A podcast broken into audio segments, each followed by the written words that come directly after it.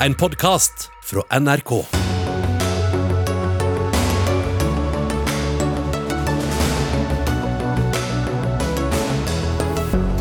Vi må kvitte oss med forretningstankegangen i helsevesenet, sier en ny forening. Vil organisere sykehusene på en helt ny måte. Australias regjering plikter å beskytte barn i landet mot konsekvensene av klimagassutslipp, har en domstol bestemt. Kan det få konsekvenser også for Norge? Mennesker som verken opplever seg som mann eller som kvinne, må få utredning og behandling, krever pasientorganisasjonen. Den behandlingen kan de ikke få, for den finnes ikke, svarer Rikshospitalet. Og Den norske kirke ofrer jødene, mener redaktør Vebjørn Selbekk. Det synes biskopene er en farlig retorikk. Vel møtt til denne Dagsnytt 18-sendinga på NRK P2, nrk.no. Mitt navn er Sigrid Solund. Og vi begynner eh, Dagsnytt 18 denne dagen med helseforetaksmodellen. Det høres tørt ut kanskje, men måten sykehusene er organisert på, bestemmer hvilke tilbud pasientene får, hvem som skal ta de viktigste avgjørelsene, hva som blir bygget og hva som blir lagt ned. Og nå er det på høy tid å skrote denne modellen, mener en ny forening som kaller seg Alternativ til helseforetakmodellen, hvor du er styremedlem, Lene Haug. Og dere la nylig fram et alternativ til dagens modell, den kan vi komme tilbake til. Men si først hva det er som fungerer så dårlig ved dagens system som gjør at det er nødvendig å endre det fullstendig. Jeg mener det er veldig mye, eh, så jeg kan eh, ramse opp mye. Men jeg tenkte jeg kunne begynne med noe som handler om bygg av nye sykehus, som er en annen sak jeg er ganske opptatt av. Eh, Redd Ullevål sykehus og andre sykehus rundt forbi. Den forretningsorienterte modellen gjør at sykehusene må spare inn eh, penger til egenkapital før de kan investere i nye bygg, f.eks. Eh, og det har vi sett at rundt omkring i landet, senest nå i Kirkenes, fører til at man må kutte. Og man bygger rett og slett nye sykehus som blir for små. Og nå er det jo masse prosjekter som står for tur. Eh, altså Drammen sykehus, eh, Oslo universitetssykehus, eh, Innlandet, Møre og Romsdal, Stavanger osv. Hvor vi risikerer å få for lav kapasitet pga. måten dette her finansieres på. Og, så det er en av grunnene. Og så vil jeg også si at det, da blir det for liten kapasitet. Den forretningsmodellen stiller krav til at sykehusene på en måte går med overskudd. Eh, så da kutter de i det de kan kutte i, pasienttjenestene. Og det, det fører også til en veldig stor overføring av oppgaver til kommunene. Eh, så dette er på høy tid å gjøre noe med nå, fordi vi står overfor den største oppgaveveksten i helsetjenestene noensinne. Ja, fordi folk blir eldre og ja sykere. Eh, og for nå er det også sånn at Helseforetakene eier og drifter disse sykehusene, men sånn var det ikke tidligere. Jan Grundt, du er professor emeritus ved Oslo OsloMet og helt sentral i å utvikle denne helseforetaksmodellen i 2002. Da overtok staten ansvaret fra fylkeskommunene for spesialisthelsetjenesten, og dermed også sykehusene. Hva var målet den gangen? Ja, Hvis du går tilbake til år 2000, så var det jo sånn at det var et veldig svarteperspill mellom fylkeskommunen og staten. Ideelt sett så var det fylkeskommunen som hadde ansvaret for å skulle finansiere og styre sykehusene. Men så ble det hele tiden en sånn kamp at fylkestingene ville jo gjerne bruke mest mulig penger, og da hadde de ikke disse pengene de egentlig trengte, de, de sykehusene de gjerne ville ha. Så gikk de til staten, og så fikk de tilleggsbevilgninger. Og dermed så hadde det vokst frem gjennom mange år en slags eh, forstand på at fylkeskommunene var for små til å drifte eh, sykehus. Så det var nok eh, hovedideen. Og så fikk man jo da en veldig modernistisk regjering med Stoltenberg-regjeringen, hvor du fikk satt inn en helseminister, Tore Tønne, som kom fra næringslivet, og som ville gjennomføre en modell hvor man vil kunne kombinere et statlig eieransvar med mye mer profesjonell ledelse og drift ved sykehusene. Så han eh, drev jo da fram en modell hvor du kombinerte statlig eierskap med mer profesjonelt ansvar i krav til ledelse lokalt. Det var da bakgrunnen. Du kan si som en eh, sosialdemokrat så kan man egentlig si at det var litt sånn eh, Anthony Giddens Tony Blair-ideer som lå bak på en måte mye styringsfilosofien på den tiden der. Altså at dette var litt sånn det modernistiske Arbeiderpartiet på den tiden for 20 år siden. Det var nok en politisk grunn. Så alle i LO skjønte nok ikke helt hva som egentlig skjedde. Men, og Det innebærer jo da at uh, det er andre enn politikere som sitter og styrer og, og bevilger, altså, og, og, bestemmer hva som skal gå til hva. Hvem er det som egentlig sitter i Nei, Det er jo Stortinget som jo bestemmer rammene, og regjeringen legger jo fram forslag. Og Det er en dobbelt styringslinje, og det var jo problemet til å begynne med. For det, det er jo staten som eier sykehusene, og så styrer da staten sykehus på to måter. De styrer gjennom ved at de eier, det var en ny rolle staten fikk for dette. Samtidig gir de oppdrag, og det er da Stortinget, etter regjeringens forslag, som bevilger pengene. Men så bevilger da eh, regjeringen penger til de fem regionale helseforetakene. Og dermed så er det jo de regionale helseforetakene som bestemmer hvor mye penger som går til de enkelte sykehusene. Og det her er det jo litt spennende. for det Høyre gikk jo da til valg i 2013 på at de ville avskaffe de regionale helseforetakene, og de sa at de ville ha vekk de ansiktsløse byråkratene. Og da husker jeg sa til Bent Høie kanskje det er bedre med ansiktsløse byråkrater enn politikere med to ansikter. Og jeg registrerer jo at han da jo egentlig endret mening etter en stund. Skal, jeg tenkte vi skulle komme tilbake til det, men uh, Haug, hva er, hva er alternativet da? Nei, alternativet er jo eh, å, å, gå tilbake gå til en forvaltningsmodell. Det er jo en, en forrett altså den modellen vi har nå med foretak, det er jo bygger jo på aksjeloven som om og som det var aksjeselskaper, nærmest. Altså den, den, loven er ganske lik. Eh, og den har jo som mål at det skal komme et utbytte til noen aksjonærer. Og det er jo, er jo ikke det som er hensikten med de offentlige helsetjenestene, det er jo noe annet vi skal ha ut av det. Så hele den tankegangen er helt uegna til å styre et offentlig velferdsgode, sånn som jeg ser det. Og når det gjelder eh, så, så, det vi ønsker, er at det skal være en forvaltningsmodell, en forvaltningslov, som, som andre offentlige tjenester vi har. Eh, og så skal hvert enkelt sykehus være eh, selvstyrt. Vi ønsker at det skal, fortsatt skal være statlig eid, men, men, at det skal være et lokalt lederskap og lokalt styre på hvert enkelt sykehus. Det er en del av det vi foreslår. Ja, Det Tore Tønne var opptatt av, han ville at man skulle praktisere regnskapsloven, som han tjente jo fra næringslivet. Han mente jo at man måtte se både investering og drift mer i sammenheng enn det offentlig sektor var vant til å gjøre. Og Dermed fikk du en, en sånn type lov som var mer knyttet til aksjeselskapsstyring, men den er jo på mange måter kombinert også med en politisk styring. Så det er jo den kombinasjonsmodellen som Og så hadde man jo for et par år siden, før Tore Tønnes reform kom, så hadde man jo innført innsatsstyrt finansiering. Slik at fylkeskommunene allerede var innenfor et system hvor mye av styringen egentlig skjedde gjennom prismekanisme. Men ut fra de innvendingene vi hører bl.a. her, ser du behov for å erstatte dagens modell med et annet system? Jeg har spurt meg hva som da egentlig er bedre. Det er jo det som er utfordringen. Alle modeller har sterkere styrker og svakheter. Og forvaltningsmodell gir en mer direkte demokratisk politisk styring. På den annen side så eh, ser jeg jo på at en eh, helseminister som da Bent Høie, som var så sterkt imot, at han sier at det egentlig ikke var så dumt å ha noen sånne regionale direktører. Og nærmest har vel egentlig Bent Høie nå egentlig blitt en konsernleder i norsk helsevesen med fire regionale direktører. Og når han har skiftet sånn, så jeg ser ikke egentlig noe, noe egentlig tydeligere, bedre alternativ. Da må man utvikle noen mer demokratiske former hvor du får mer samspill med kommunene. Det tror jeg er den store utfordringen nå. Ok, Vi skal snart slippe til eh, politikerne, men du, få, du kan få kommentere det, Lene Haug. Ja, eh, Jeg føler at det er veldig lite politisk styring nå, spesielt med sykehusene våre. Det, det, det, det er ikke, altså ja, det er statsbudsjettet, eh, man bevilger penger over, men, men, ellers er jo ikke dette innom Stortinget, så i praksis er det nesten bare helseministeren som man sier som styrer dette her. Og det er også enkeltpersoner som plutselig styrer en så stor og viktig del av norsk offentlig velferdsgoder som liksom er på en måte hjørnestein i velferdssamfunnet vårt. og Sånn kan vi ikke ha det. Det er snakk om sykehusbygg for 50 milliarder i Oslo. Eh, denne saken har aldri vært behandla i Stortinget annet enn som en liten eh, del av statsbudsjettet. Eh, så det er også en veldig viktig del at vi ønsker at det skal opp på Stortingets bord. Um, ja, så, så, det er mye å si til det du sier, Grunn, men vi har kanskje ikke tid til alt ja, nei, men Dere kan få ord igjen. Ja. Men uh, du, du, nevner Stortinget. Vi har med oss tre politikere fra helsekomiteen. Vi kan gå til deg først her, eh, Sveinung Stensland. Du representerer um, Høyre. Denne foreningen vi hører her, henvender seg til alle partiene. Hva sier du til å skrote denne modellen vi har i dag? Nei, jeg ser ikke at vi har et så stort problem som eh, denne foreningen påstår at vi har.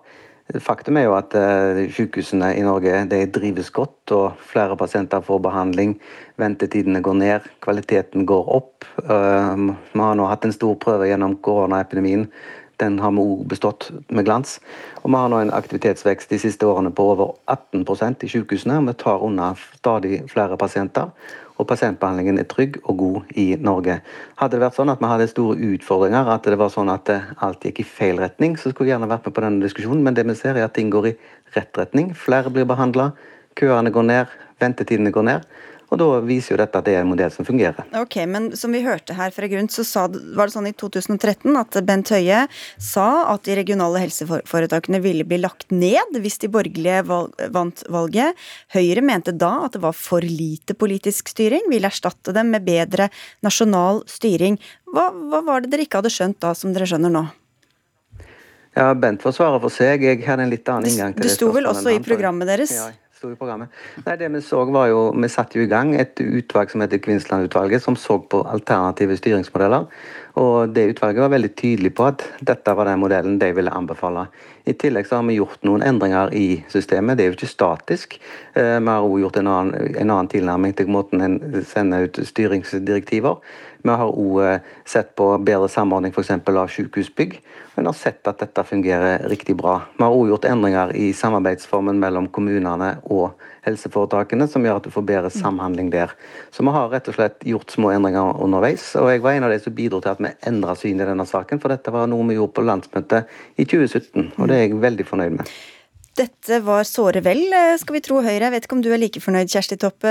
Du er fra Senterpartiet, og dere har aldri vært begeistret for denne modellen. Men hva løser det egentlig å endre på den og bare bytte den ut med noe annet? Det er fordi at eh, helseforetaksmodellen fremdeles er sterkt eh, kritisert. Etter 20 år så er det fremdeles stor kritikk mot ordningen. Det å drive helsetjeneste etter bedriftsøkonomiske prinsipp, det egner seg ikke. Det går ut over pasientbehandlingen. Eh, spesielt så er det jo helt galt eh, når en så viktig eh, velferdstjeneste, som betyr så masse for folk, ikke er styrt av folkevalgte, men av Eh, tilsatte eh, og av sykehusdirektører. Men hvorfor er det alltid politikere som er best egnet til å drive ting, da, f.eks. sykehus?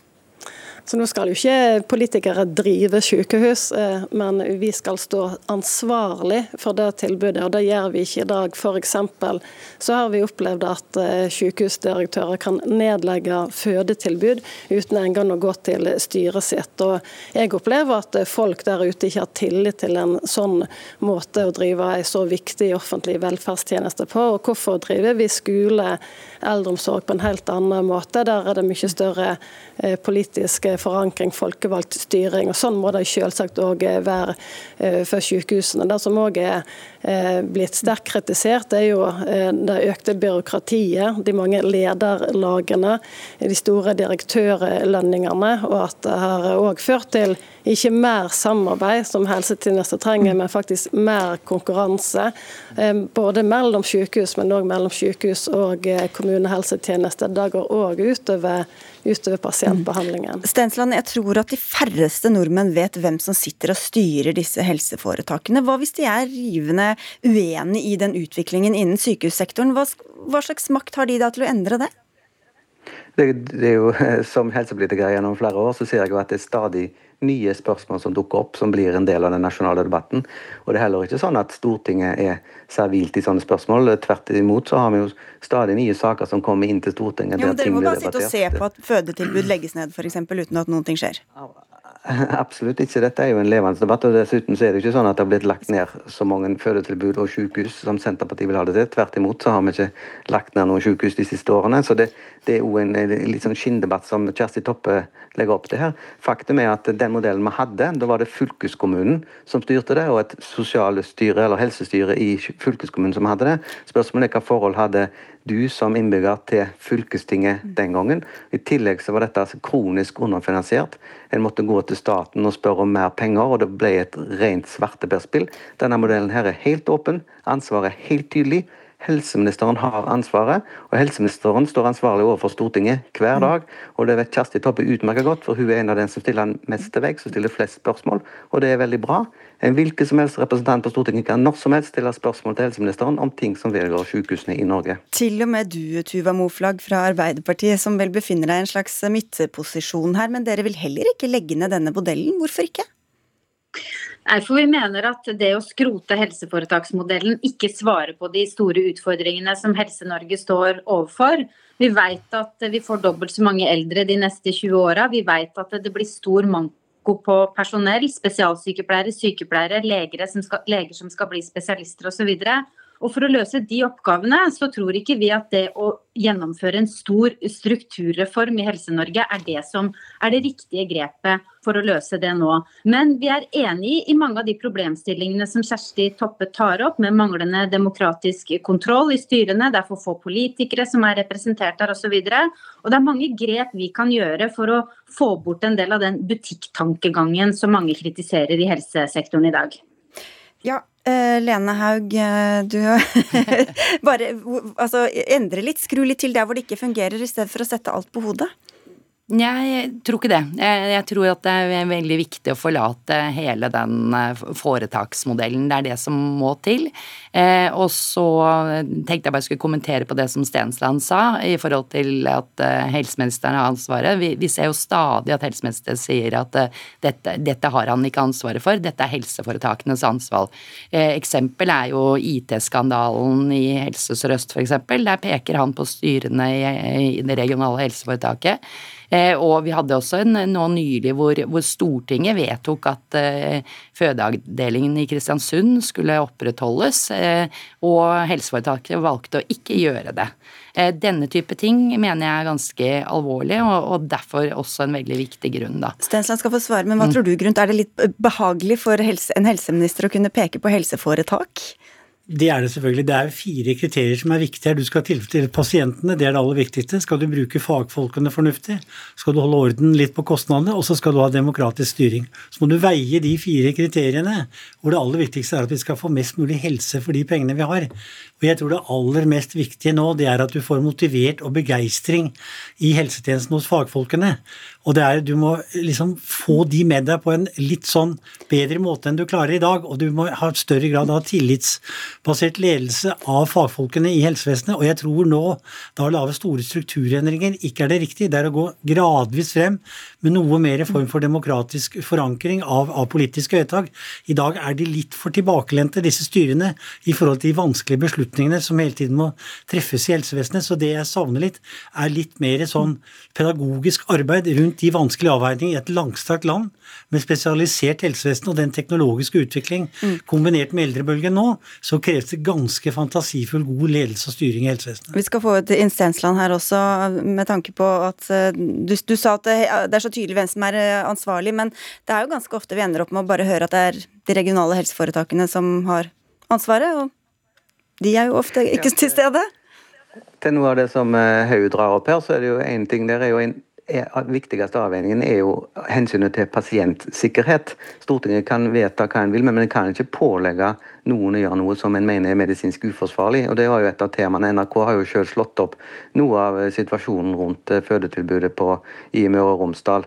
Eh, så den saken har mange sider. og Så sier Haug her at eh, målet med modellen er at en skal betale utbytte til eierne. Det har ikke på noen tidspunkt betalt Nei, du sa bare at det var modellen man tok utgangspunkt i, eller den loven man tok utgangspunkt i, ikke at de skulle få det i dag, hvis jeg forstår ja, det rett. Ja, det, er, for det, det, er viktig, det er viktig presisering at det viktigste formålet med helseforetakene er å sørge for at innbyggerne i området de er satt til å tjene, får det tilbudet de skal ha.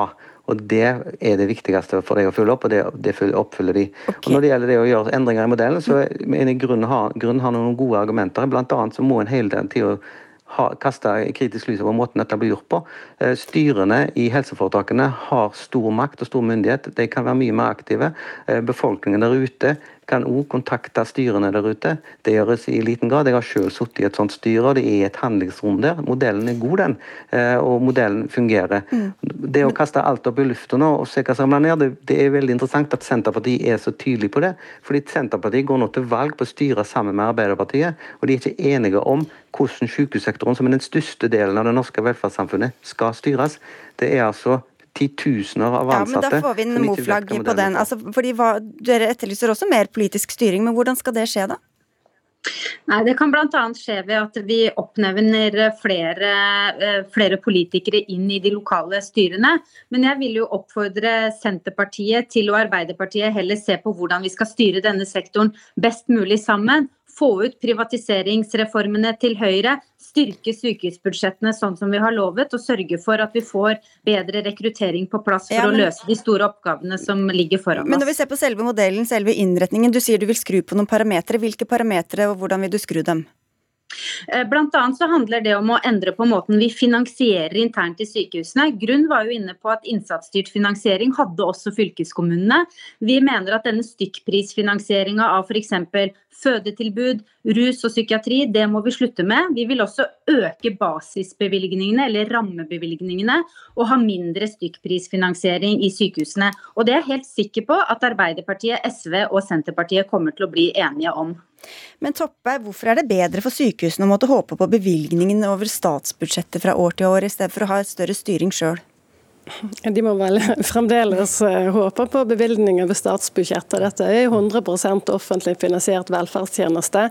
Men her har vi valgt å hmm? Til nye bygg, f.eks.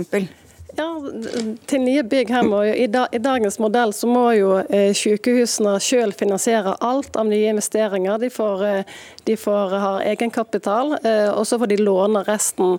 Og Det er jo en modell som vi ønsker å endre på. Vi mener at du må skille investering og drift. For sånn som det er i dag, så må altså pasientbehandling gå med overskudd for å få råd til helt nødvendige investeringer. Altså, dette systemet kan jo ikke fortsette. Og for å si det slik, jeg er uenig med Arbeiderpartiet her skal vi gjøre små endringer. Det har vi prøvd på i åtte år, å få folkevalgte politikere inn i styrene. Det hjelper ingenting. Denne modellen er grunnleggende feil for å drive helsetjeneste. og Det er den vi må, den vi må endre på. Og Vi får ikke bort de bedriftsøkonomiske prinsippene som er feile for helsetjeneste, dersom en bare viderefører dagens modell. Vi må få en forvaltningsmodell å styre norsk spesialisthelsetjeneste etter. og Bare slik så får vi til den tilliten til de ansatte. Får bort alle disse unødvendige lederlagene eh, og få en reell stedlig ledelse. Da kan vi få en effektiv og god eh, utvikling av norsk eh, helsetjeneste. Høres det som enigheten satt litt lenger inne enn det du sa, Moflag? Jeg er helt enig i at vi skal ha stedlig ledelse på, på alle sykehus. sånn at det er jeg helt sikker på at vi kan klare å bli enige om. Men det er noe med å ha øya på mål her. De siste åtte åra har vi sittet i opposisjon. Det viktigste som Arbeiderpartiet og Senterpartiet kan gjøre nå i fellesskap, er jo å kaste ut høyreregjeringa og sørge for at vi får styringa på Helsedepartementet. Og akkurat det målet tror jeg i hvert fall at Kjersti Toppe og jeg er enige om. Sikkert. Men du Stensland, du vil ha ordet, men hvorfor er helsevesenet så annerledes enn politivesen eller brannvesen at vi da skal ha en helt annen forretningsmodell for akkurat denne sektoren? Det er ikke en forretningsmodell, det er en styringsmodell som er 100 offentlig kontrollert. Og Her skapes det et inntrykk av at det blir mer penger hvis en skiller investering og drift. Ja, fint det, men det som er et faktum er at eh, helseforetakene men, men hvorfor, er det, hvorfor, er det hvorfor er denne sektoren så innmari annerledes enn andre sektorer? Den er jo selvfølgelig annerledes fordi en driver med andre oppgaver, men modellen er sånn fordi den ble satt inn der for 20 år siden, og den virker godt, og vi ser på resultatene at det fungerer bra. Men det der er en inntrykk av at en ikke må se på hva en har av eh, midler før en kan gjøre investeringer. Det er akkurat det samme i en kommune. Når jeg var kommunepolitiker, så måtte vi jo se på om vi hadde råd til å bygge en ny skole. og måtte se på driften i forhold til hva vi hadde av investeringsmidler. Sånn er det, og sånt vil det være uansett. Får du en forvaltningsmodell, så vil du få tidenes statliggjøring av det hele. fordi da må du ha et statlig direktorat som styrer det hele. Du får en statlig sykehusdirektorat som må bestemme over sykehusene. Fordi hvert enkelt sykehus hver for seg, sånn som Senterpartiet tar til orde for, blir for lite. Fordeling av de store pasientgruppene, prioritering mellom sykehus. Alle de tingene det blir overordnede beslutninger som nå tas regionalt, som da blir gjort til Oslo. Jeg forstår ikke at Senterpartiet er så for en sånn utvikling, og der er vi mer enige med Arbeiderpartiet. Og det er interessant at Arbeiderpartiet og Senterpartiet er såpass uenige i en så viktig da, del okay, av samfunnet. Da får vi få en kort kommentar fra deg, Kjersti Toppe, før vi avslutter i studio her. Nå er jo eh, Høyre vel like uenig med sine samarbeidspartnere på den sida, bare for å si det. Eh, og her er det slik, ja, her er Arbeiderpartiet og Høyre enige. Her står Senterpartiet på en annen linje. Vi vil kjempe hardt for at vi skal få til en reell eh, endring. Og vi får en eh, annen, eh, annen modell for både styring, organisering og finansiering av spesialisthelsetjenester. Det mener jeg er enormt viktig. Ok, Da skal vi avslutte der vi begynte med dere, Lene Haug og Jan Grundt. Lene Haug, ja. Nei, jeg, jeg stusser veldig på at Arbeiderpartiet både ville innføre denne Thatcher-inspirerte modellen, og at de vil opprettholde den. Og jeg må si at jeg er ganske uenig med, med Stensland i eh, at alt går så bra. så, eh, og samtidig så er det også det vi står overfor nå med de nye sykehusene som skal bygges. Eh, så tror jeg denne modellen kan bli en katastrofe for eh, spesialisthelsetjenesten framover. Så ja, jeg tror det er på høy tid å bytte den ut. Ja. Får du dårlig samvittighet nå, Jan Grunt, eller? Nei, jeg er fornøyd med den modellen. Jeg husker enda nå, vi satt her nå, Tore Tønnes øyne, han sa at han var så flott til å skille drift og investering, for det var det noen hadde lært i næringslivet, at du må håndtere begge deler. Altså Det blir ikke noe mer penger, men du må se de tingene i sammenheng. Du har to produksjonsfaktorer i helsevesenet. Du har de faglig ansatte, og du har bygningene. Og du må se det i sammenheng. Men jeg mener den største utfordringen er å koble helseforetakene mer på kommunene. Så det jeg håper Arbeiderpartiet gjør, er at de har jo hatt et eh, forslag i sitt valgprogram at de kan overlate alle pengene i en region, slik at de kan forvaltes av regionen sammen med kommunene. Her tror jeg den store utfordringen egentlig ligger. Dette blir garantert noe vi kommer til å snakke om mer i valgkampen. Takk skal dere ha alle sammen for denne runden. Lene Haug fra Alternativ til helseforetak-modellen, Jan Grund, som er professor emeritus ved Oslo OsloMet, Tuva Moflag fra Arbeiderpartiet, Kjersti Toppe fra Senterpartiet og Sveinung Stensland. Alle sitter i helsekomiteen på Stortinget.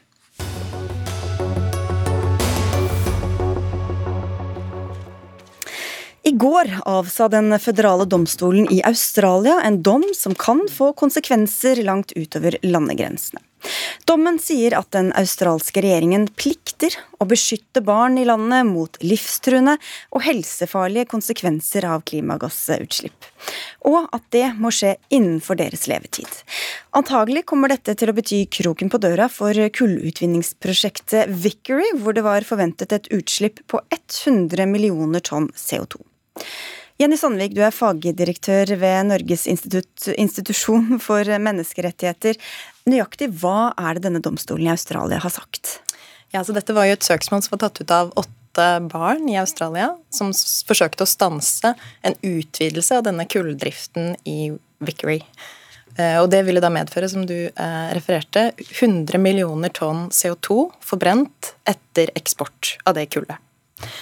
Og det domstolen sier, er at myndighetene, før myndighetene kan tillate noe sånn, så må de eh, vurdere, og de har en plikt til å beskytte barn mot livstruende og helsefarlige klimaendringer som vil kunne materialisere seg i løpet av deres levetid, og som vil bli forverret hvis de sier ja til den kullgriften. Og det er fordi eh, domstolen legger til grunn at utslippene fra denne kullgruven at det er ikke kompatibelt med å begrense oppvarmingen til to grader. Og da vil ethvert marginalt utslipp av den størrelse kunne være den tua som velter lasset, og som medfører katastrofale klimaendringer, tippepunkter hvor vi kastes ut i fire grader varmere verden. Og for Australia så vil det medføre store områder som vil bli ubeboelige. Hetebølger som vil ta liv. Buskbranner, vi husker det fra Australia for noen somre siden. Eh, et skadescenario med sykehusinnleggelser statistisk for hvert barn pga. akutt eh, hetefare. Mm. Så det, det, er på en måte bakgrunnen, og det sier domstolen at eh, da har myndighetene en plikt til å beskytte barna mot det. Men sier de da at regjeringen bare må vurdere det, eller at de faktisk må si nei?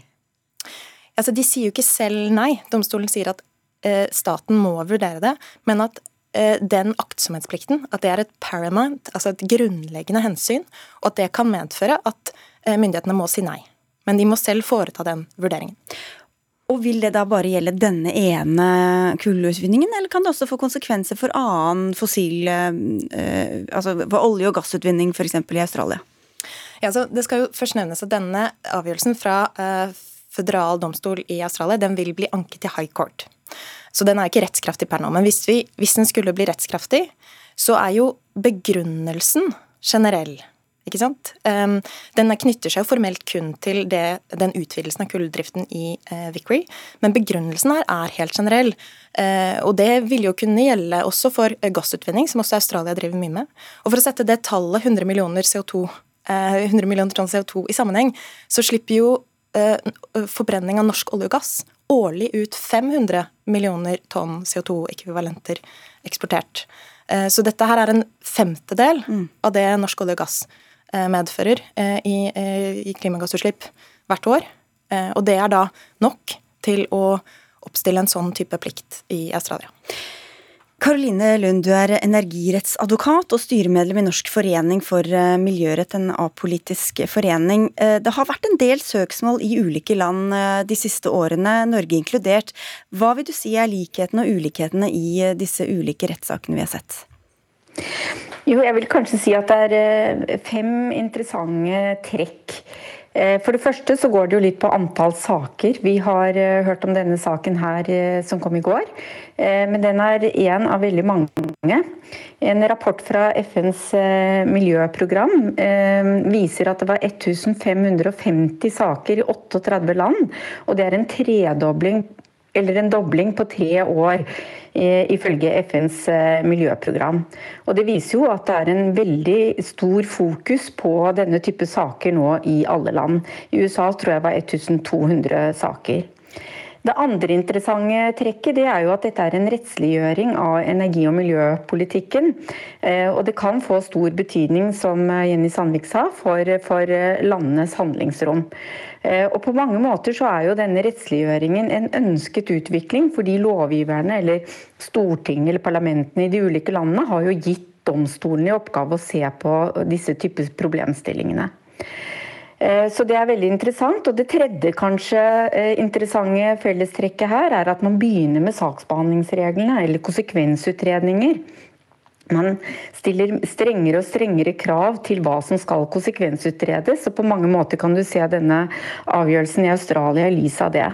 Eh, og Det blir jo da en glidende overgang til at det blir materielle avgjørelser. altså Hvis ikke du kan vise til gjennom konsekvensutredninger at de ikke får disse um, konsekvensene for, for, barn eller for andre, ja, så, så, så kan det også bli materielt nei. Eh, så det er veldig interessante trekk eh, sammen. Og så får man jo i tillegg denne vekselvirkningen mellom domstolenes stadig strengere krav til saksbehandling og, og myndigheter i energi- og miljøpolitikken, eh, som igjen da følges opp av, av politikerne. Så det er veldig interessante vekselvirkninger vi ser her, og, og, veldig spennende å følge med på alle disse sakene. Jenny Sandvik, du trakk noen paralleller til Norge, og det som også vel retten i Australia har eh, sett på, er jo eh, eksporten. altså I likhet med Norge så eksporterer vi da dette fossile brennstoffet, og det er jo da utslippene i stort monn kommer, ikke av utvinningen. Ehm, hva var det domstolen sa om akkurat det?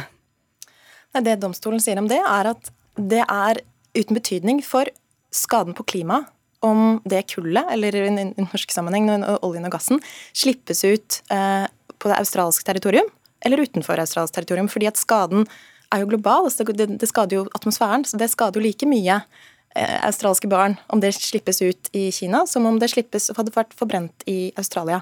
Og Det sa norsk høyesterett også i, i klimasøksmålet. De sa at, eh, at det, det, er uten betydning om, om, norsk olje og gass forbrennes eh, et annet sted enn Norge, fordi det vil utvilsomt skade eh, klimaet også i Norge. Og da kunne forårsake skade her.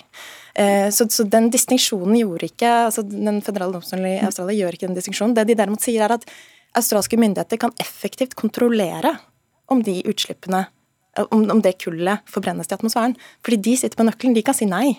Til utvinningen. Og, derfor, og da forblir det kullet i, eh, på australsk jord. Mens hvis de sier ja, så sier de ja til at alt det kullet blir forbrent og hender i atmosfæren. Og da må de ta eh, konsekvensene av av de følgene som, som, vil materialisere seg for barn som lever i Australia i dag, over hele deres levetid.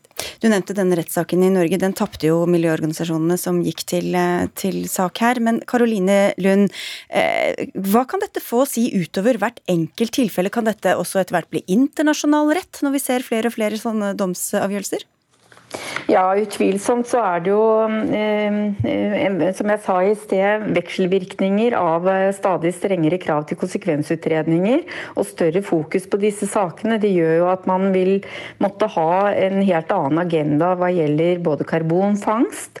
Eh, det vil også få betydning for tempo når det gjelder utbygging av fornybar energi til erstatning for, for all, all energi med miljøgasser eller klimagasser klimagassutslipp. Vi har jo i Norge vært velsignet med mye vannkraft. Opprustning og utvidelse er eh, begrenset hva vi kan få ut av det, men det er et stort potensial både i, i havvind ikke minst, og, og, og, sol. Så at eh, disse avgjørelsene med det fokuset som er på disse sakene også vil få betydning for fremtidig energipolitikk og miljøpolitikk, det er jeg ganske sikker på. Ja, bare helt kort til det. Altså, nå bygger jo denne dommen på australsk rett, ikke sant? men de, de underliggende hensynene er jo helt de samme.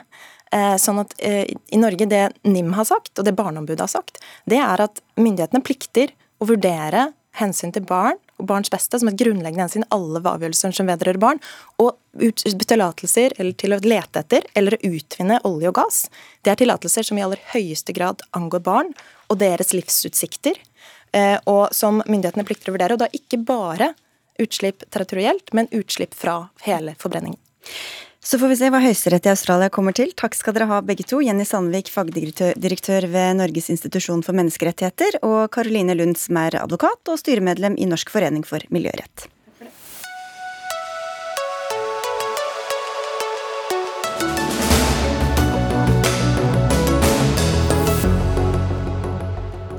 For de aller fleste av oss er kjønnet vi står oppført med i passet, det samme som kjønnet vi identifiserer oss med og føler oss som. De som ikke har det sånn, kan søke hjelp og behandling til å få fysisk og juridisk det kjønnet de tilhører. Men noen opplever seg verken som helt mann eller helt kvinne, de er ikke-binære, og for dem finnes det ikke noe sånt helsetilbud. Det skal vi straks komme til, men først Luka Dalen Espseth, du er nestleder i Pasientorganisasjonen for kjønnsinkonkurranse kongruens. Hva innebærer det egentlig å være ikke-binær, som det heter da? Ja, ikke-binær er en fellesbetegnelse vi bruker om alle mennesker som har en annen identitet enn det å være kvinne eller mann. Og Det kan være folk som veksler mellom forskjellige grader av å føle seg som kvinne og mann, eller det kan være andre former for kjønnsidentitet. Og Gjennom et innlegg i Aftenposten så har dere etterlyst et bedre tilbud for denne gruppa. Hva slags tjenester er det dere etterspør? Nei, I dag så er det jo sånn at det ikke finnes noe behandlingstilbud til den gruppa her. Det inkluderer at det heller ikke finnes noen muligheter for råd og veiledning og støtte. Uh, og det her er en gruppe som staten helt eksplisitt har sagt at vi skal gi behandling til, og som man da ikke gjør. Så det ønsker vi rett og slett at de skal få, på lik linje med andre transpersoner og mennesker som opplever kjønnsinkongruens. Men hva slags behandling da? Nei, Det kan jo være alt fra rådgivning, støtte, til faktiske inngrep i form av hormonbehandling og kirurgi. Anne Være, du er leder for utredningen av barn og unge ved den nasjonale behandlingstjenesten for kjønnsinkongruens og overlege ved Rikshospitalet. Behandling av ikke-binære er tydeligvis et ønske og et behov for denne pasientgruppa. Hvorfor er ikke det en del av tilbudet? Nei, eh, Da er det jo viktig å tenke på at eh, også mm, denne pasientgruppen eh, trenger å få kvalitets godt kvalitetsvurdert behandling som er, har dokumentert effekt. Og per i dag finnes det ikke eh, forskning som eh, kan vise at behandling av ikke-binære har en ønsket og god effekt. Men hva kan være galt ved å gi dem f.eks. veiledning og rådgivning?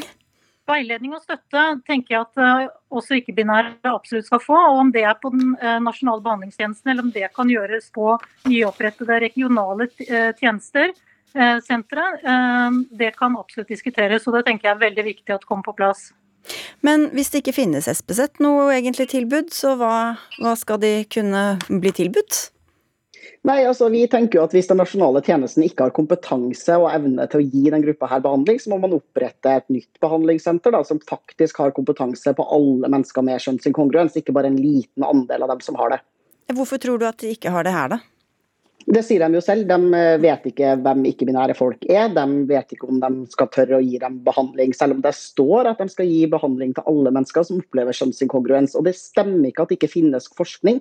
Det finnes forskning, ikke mye, men hvis man skal få mer kunnskap om gruppa, så er man jo også nødt til å gi dem behandling og se hvordan det går eh, over, på sikt. da. Være. Per i dag så er det som sagt ikke eh, tilstrekkelig evidens for å behandle unge og heller ikke voksne for, eh, med ikke-binære eh, identiteter. Så dette avventer vi nå. Men blir det litt sånn sirkelargument? Altså, vi, har, vi, kan ikke behandle fordi det finnes ikke behandling, og så da får man jo heller ikke noen man kan forske på å behandle videre? Jeg tenker Mange unge som kommer til oss i dag, og det er sikkert mange som også kjenner unge, som opplever å være verken gutt eller jente, kanskje noe derimellom, og ha en flytende identitet. Og Da er det viktig at man observerer over lengre tid før man uh, diskuterer om dette skal uh, være et behandlingstilbud. og Per i dag så er det ikke det. Espeseth. Altså, det er ikke noe vesensforskjell på de menneskene som har en binær og de som har en ikke-binær kjønnsidentitet. Hvis du syns at det er smertefullt og vanskelig og en lidelse å ha bryster, så bør du kunne fjerne dem, helt uavhengig om identiteten din er mann eller en ikke-binær kjønnsidentitet. Det tenker jeg også at helsepersonell burde intuitivt forstå. da. Eh, for det finnes jo altså, i hvert fall ingen evidens som skulle tilsi at ikke-binære skiller seg vesensforskjellig fra binære folk med kjønnsinkongruens. Ja, Anne Verre. Her er det et føre-var-prinsipp som vi i helsevesenet Eh, retter oss etter. og Det viktigste for oss er at vi ikke skader. og Da er det vanskelig for plastikkirurger f.eks. å fjerne bryster hos eh, unge mennesker som eh, opplever at det er krevende å ha disse, hvis de har en identitet som ligger mellom kvinne og mann f.eks. Vi skal få inn en tredje mm, person her. Tone Maria Hansen, du er daglig leder ved Harry Benjamins ressurssenter. Dere er en pasientorganisasjon for de pasientgruppen ved denne nasjonale behandlingstjenesten for kjønnsinkongruens. Og var, du var initiativtaker til å starte denne foreningen i 1999. Hvordan ser dere på dette, at det ikke blir tilbudt eh, behandling til de ikke-binære? Jeg tenker at det Først må man forstå hva en nasjonal behandlingstjeneste er, og hva slags føringer det er for å tilby utredning og behandling. Og I veileder for nasjonal behandlingstjeneste så står det følgende det forutsetter at alle nasjonale tjenester drives faglig forsvarlig, og at tilbud om utredning og behandling bygger på vitenskapelig dokumentert effekt. Og Det har vi per i dag, ikke når det gjelder ikke-binære. Det må faktisk NBTK forholder seg til. Eh, men jeg skulle ønske at det har vært mulig å få midler til en klinisk studie, eh, det som også beskrives som utprøvende behandling, for personer som er ikke-binære. Og Målet med kliniske studier er å få økt kunnskap om de man behandler, hvilken type behandling som kan gis, og hvilken behandling som er den beste. Og jeg tenker at Kunne man få til det, Eh, hvor man bruker dokumentasjonssystemer som f.eks. medisinsk kvalitetsregistre, som følger eh, hele pasientforløpet, så vil det være svært hensiktsmessig. Mm. Eh, ja. ja. Du kan få svare, hver, men bare få inn deg først, Espseth. Altså det å gamble med folk som Og særlig når det gjelder da operasjoner, f.eks. Er det en, en sjanse som helsepersonell skal ta? Man har jo gitt kjønnsbekreftende behandling til folk i Norge siden 1950-tallet. Da hadde man ekstremt lite kunnskap om behandlinga. I dag vet vi veldig mye. Behandlinga fungerer, den er effektiv og den reduserer kjønnsdysfori og gir folk lykkeligere liv. Det er ingen grunn til å tro at det ikke skulle være det samme for ikke-binære transfolk. Det her fiktive skillet som blir satt opp her mellom binære og ikke-binære transfolk, er for meg helt absurd. Selvfølgelig er vi de samme menneskene med de samme behovene, og behandlinga fungerer likt for binære og ikke-binære folk. Hansen? Det er nettopp det vi ikke vet. Eh, og Derfor må vi få mer kunnskap. Det er helt nødvendig at vi, vi har det. Og på den, eh, nasjonale behandlingstjenesten så, så, er de nødt for å ha kunnskap om det de, det de faktisk skal bedrive. Så, så det som Espeseth sier her, er jeg svært uenig i. Espeseth? Ja, eh, Tone Maria representerer jo en pasientorganisasjon som eksplisitt ikke jobber med ikke-binære. Så jeg tenker kanskje at PKI, som er en pasientorganisasjon for alle med kjønnsinkongruens, kan få snakke på vegne av vår medlemsgruppe og de medlemmene vi har da som er ikke-binære. Men du sa selv at man kunne ha litt sånn flytende kjønnsidentitet. så hvor, Kanskje et dumt spørsmål, men hvordan, hvor gunstig er det da å gjøre irreversible Nei, hvordan, ja, du skjønner hva jeg mener. Ting som ikke kan gjøres, tas bort igjen. Eh, på de som, når man kanskje om noen år føler det annerledes? Ja, men her er jo det man skal vurdere hvorvidt du f.eks. har et ønske om å få skjeggvekst eller en mer maskulin stemme. Hvis det behovet ønsker jeg konstant over tid, så spiller det ingen rolle om kjønnsidentiteten din varierer litt fra veldig maskulin til kjempemaskulin. Det er på en måte ikke identiteten som avgjør behovet vi har, det er oss selv. Og også binære transfolk har forskjellige typer behandlingsbehov. Være, Anne Være, ja. Ja, Det er nettopp kanskje dette som er den store utfordringen. At dette er en stor og sammensatt gruppe, veldig heterogen både når det gjelder alder og ønsker og ulike identiteter. Så dette er krevende, og det vil også være krevende i forhold til forskningsprosjekter. Men det er etterspurt, og det er selvfølgelig noe som er ønskelig. Har dere søkt om midler til å få en sånn klinisk studie som også Tone Marie Hansen etterlyser da? Vi søker eh, stadig om midler, det gjør vi. Så det er eh, etterspurt og ønsket, absolutt. Også til dette? Også til dette. Mm. Ja, da skulle vi jo gjerne hatt noen av de helsepolitikerne som vi hadde i begynnelsen av sendinga her, men de har forlatt oss. Men du ville på, Tone Marie Hansen her? Ja, ja, jeg må bare få lov til å si det at, at det er håpløst at det framstiller at HBRS ikke jobber også for de som er ikke-binære. Jeg jeg har vel bedre greie på våre eh, medlemmer enn hva SPZ har. Hva er det de ønsker seg, da? De medlemmene deres som, ikke er, binære, som er ikke-binære? Jeg tenker at alle ønsker jo å få den behandlingen som, som man føler man har et behov av. og Det tenker vi at det er viktig. Og Det er en av grunnene til at jeg sier at det er viktig å få på plass en klinisk studie for å kunne starte en behandling. Vi skal ha med en fjerdeperson her. Kjetil Slagstad, du er stipendiat ved Det medisinske fakultetet på Universitetet i Oslo. Og du skriver bl.a. en doktorgradsavhandling om møtet mellom helsepersonell og transpersoner, og skrevet litt om dette i VG også. Hvordan føyer denne seg, saken seg inn eh, i et mer sånn historisk perspektiv på dette området? Det som er klart er jo at eh, Ikke-binær er et relativt nytt begrep eller en ny betegnelse, men det å ha en kjønnsidentitet som verken er mann eller kvinne, eller at kjønnsidentiteten og kjønnsuttrykket kan være mer flytende og variere, det er jo ikke noe nytt. Og for I min forskning så har jeg snakket med flere personer som definerte seg som transvestitter på 70- 80-tallet, men som i dag definerer seg som ikke-binære. Så man må gå tilbake til historien, til 50-tallet, da man startet med kjønnsbekreftende behandling i Norge. Og da var det enten-eller. Normene var trange. Man måtte f.eks. satte legene kroppslige krav til hvem som skulle få behandling. Du måtte bli en vakker kvinne, eller du måtte passere som mann i samfunnet. Sånn at det var veldig lite rom for å bryte normer for eh, kjønnsuttrykk. Og Delvis så skyldes jo det et konservativt behandlingsapparat, eh, men man må også huske på at eh, samfunnet var annerledes. Og, og, legene hadde nok en viss paternalistisk holdning til at de tenkte at de skulle beskytte pasientene, de visste best om hva som var best for dem. Uh, og Det er jo også bakgrunnen for uh, kastrasjonskravet for transmenn. Uh, at, altså at transmenn måtte fjerne reproduktive organer som eggstokker og livmor for å få noen som helst behandling, for å få hormonbehandling f.eks. Det var one size fits all, eller alt eller ingenting. Sånn at Det er bakgrunnen. egentlig. Altså, Dem som ikke passet inn i denne tokjønnsnormen, de ble systematisk ekskludert fra både behandling og fra forskning. og Det er grunnen til at vi ikke har noe kunnskap, eller veldig lite kunnskapsgrunnlag i dag. Eh, men så får jeg lyst til å legge til at eh, transfolk har jo til en viss grad alltid klart å manøvrere i det veldig restriktive eh, helsetilbudet som har vært til transpersoner i Norge. Eh, folk har snakket sammen, folk har lest litteraturen, folk har lest diagnostiske kriterier. Eh, og fortalt legene delvis det de ønsket å høre for å få tilgang til behandling. sånn at det er nok sånn at en del ikke-binære folk har fått den behandlingen de ønsket, og er en del av de studiene som i dag utgjør kunnskapsgrunnlaget vi har. Hvor mange gjelder dette egentlig?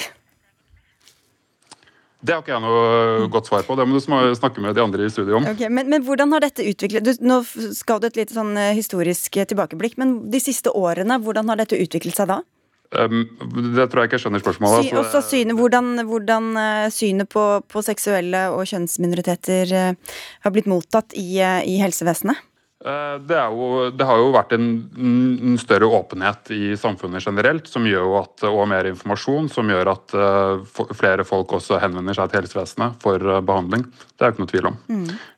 Et stort savn blant folk jeg har snakket med fra, som har fått eh, behandling fra 60-tallet oppover, er jo uh, veldig mangel på kunnskap både i skolen og i helsevesenet i møte med, uh, med personer som er trans eller har ikke-binær kjønnsidentitet. Takk skal du ha. Du, Anne Være, bare helt på tampen her. Vi hørte her at folk har kanskje fortalt legene det de trenger å si. Kan det være også et tilfelle for dere, at folk som ikke er binære skjuler det for å få behandling hos dere? Det snakker vi ofte om uh, med de som kommer til oss. Uh, men jeg, vi er nå veldig opptatt av at det er veldig mange unge som i dag opplever seg som ikke-binære, og at det er et vanlig fenomen. Og at vi skal bruke lang og god tid uh, for å lande om identiteten er ikke-binær eller om den er binær. I hvert fall at man bruker god tid, uavhengig av behandling eller ikke. Ok, Da skal du få en liten kommentar til slutt på det, Espeseth. Ja, jeg syns det er forferdelig at man bruker lang tid på å utrede mennesker som man til slutt finner ut at man ikke skal gi noe behandlingstilbud til i det hele tatt. Og man har fått instruksjon fra staten om at man skal gi behandling til alle mennesker med kjønnsinkongruens, og da må vi rett og slett få på plass det. Og hvis ikke Riksen vil gjøre det, så får noen andre gjøre det. Ja, være. Ja, nå er det jo ikke sånn at Staten har sagt til oss at vi skal behandle alle ikke-binære, selv om diagnosen er endret fra transseksualisme, som favnet i binære, til i dag kjønnsinkongruens, som også favner i ikke-binære. Er det jo ikke slik at staten legger seg opp i om det er dokumentert behandling eh, eller ikke. Så her gjelder det å holde sakene godt fra hverandre. Og nå er denne saken slutt for denne gang, holdt jeg på å si. Det var eh, fint at dere var med. Takk skal dere ha alle sammen. Luka Dalen Espeseth, eh, nestleder i pasientorganisasjonen for kjønnsinkongruens. Anne Være, som også er eh, ved Oslo universitetssykehus, Rikshospitalet ved denne behandlingstjenesten. Kjetil Slagstad som stipendiat, og Tone Marie Hansen, daglig leder i Harry Benjamins ressurssenter.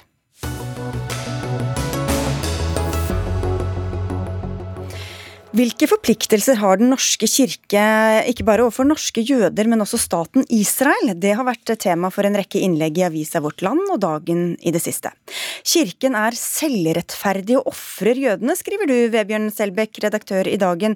Hvordan ofrer kirken jødene? Nei, Utgangspunktet her eh, er jo hvert fra min side en slags uh, sorg over det som avisa Vårt Land i en rekke artikler har påvist nå, at uh, forholdet mellom Den norske kirke og de norske jødene ved Det mosaiske trossamfunn nå er på et frysepunkt.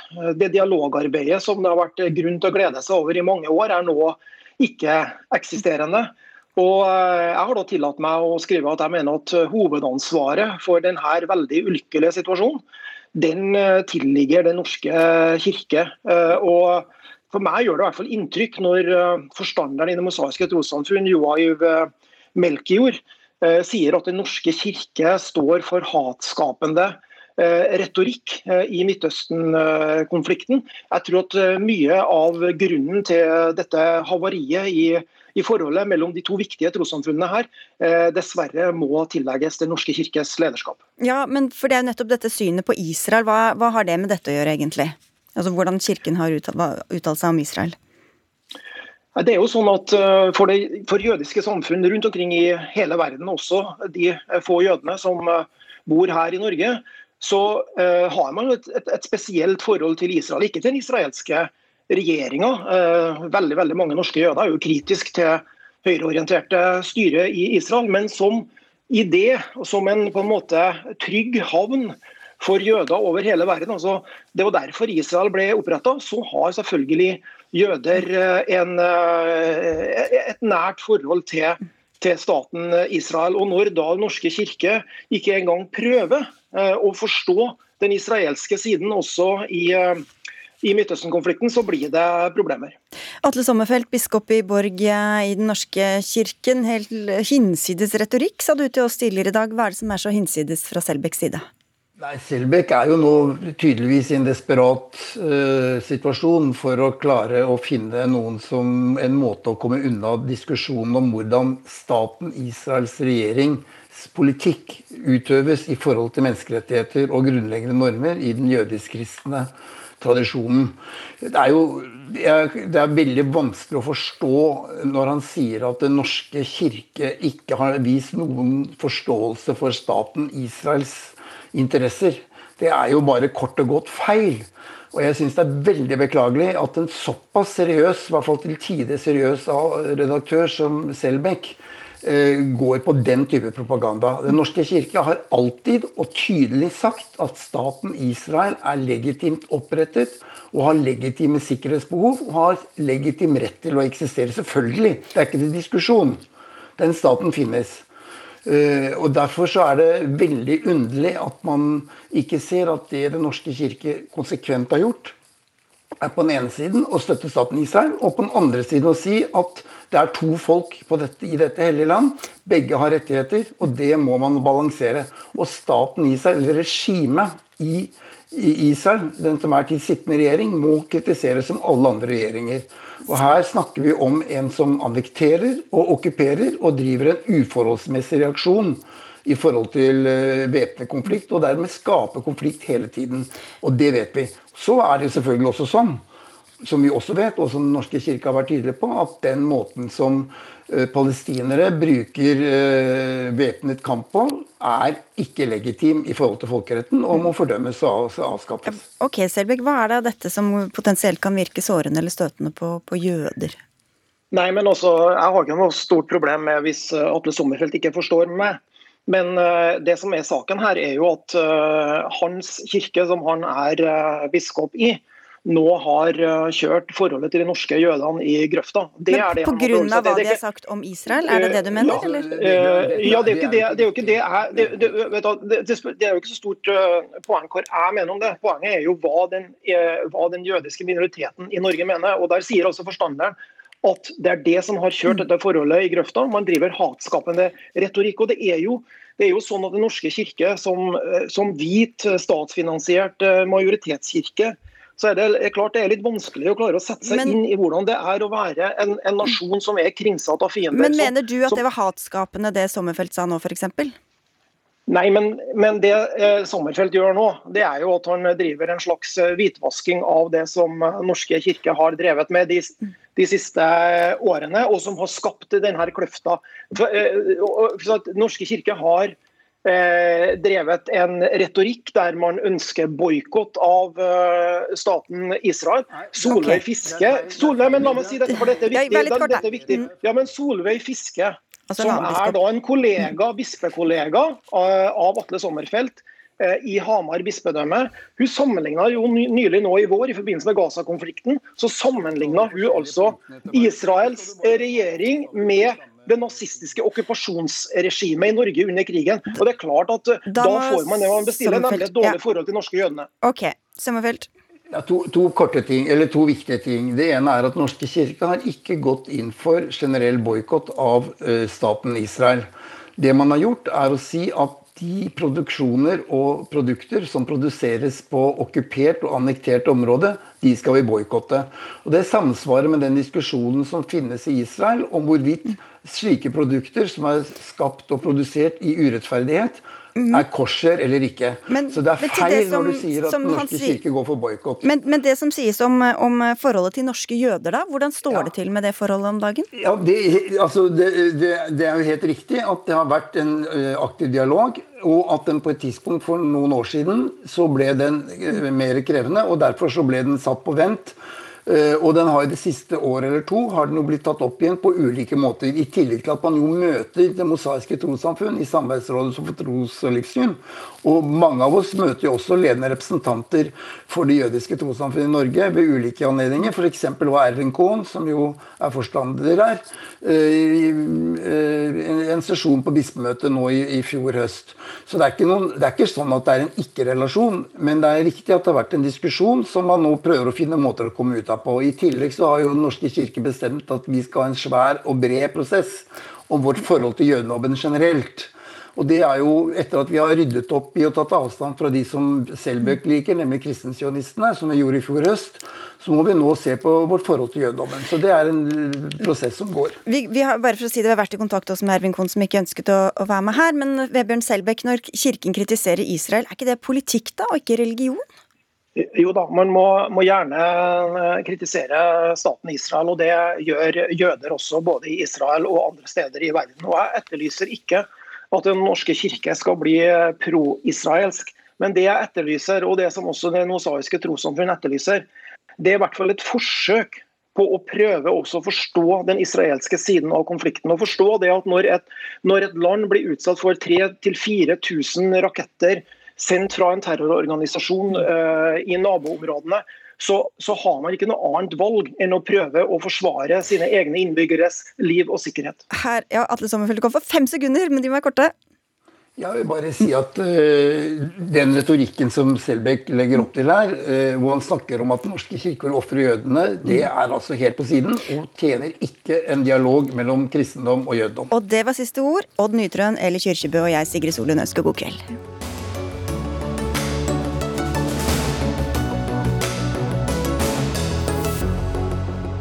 Du har hørt en podkast fra NRK.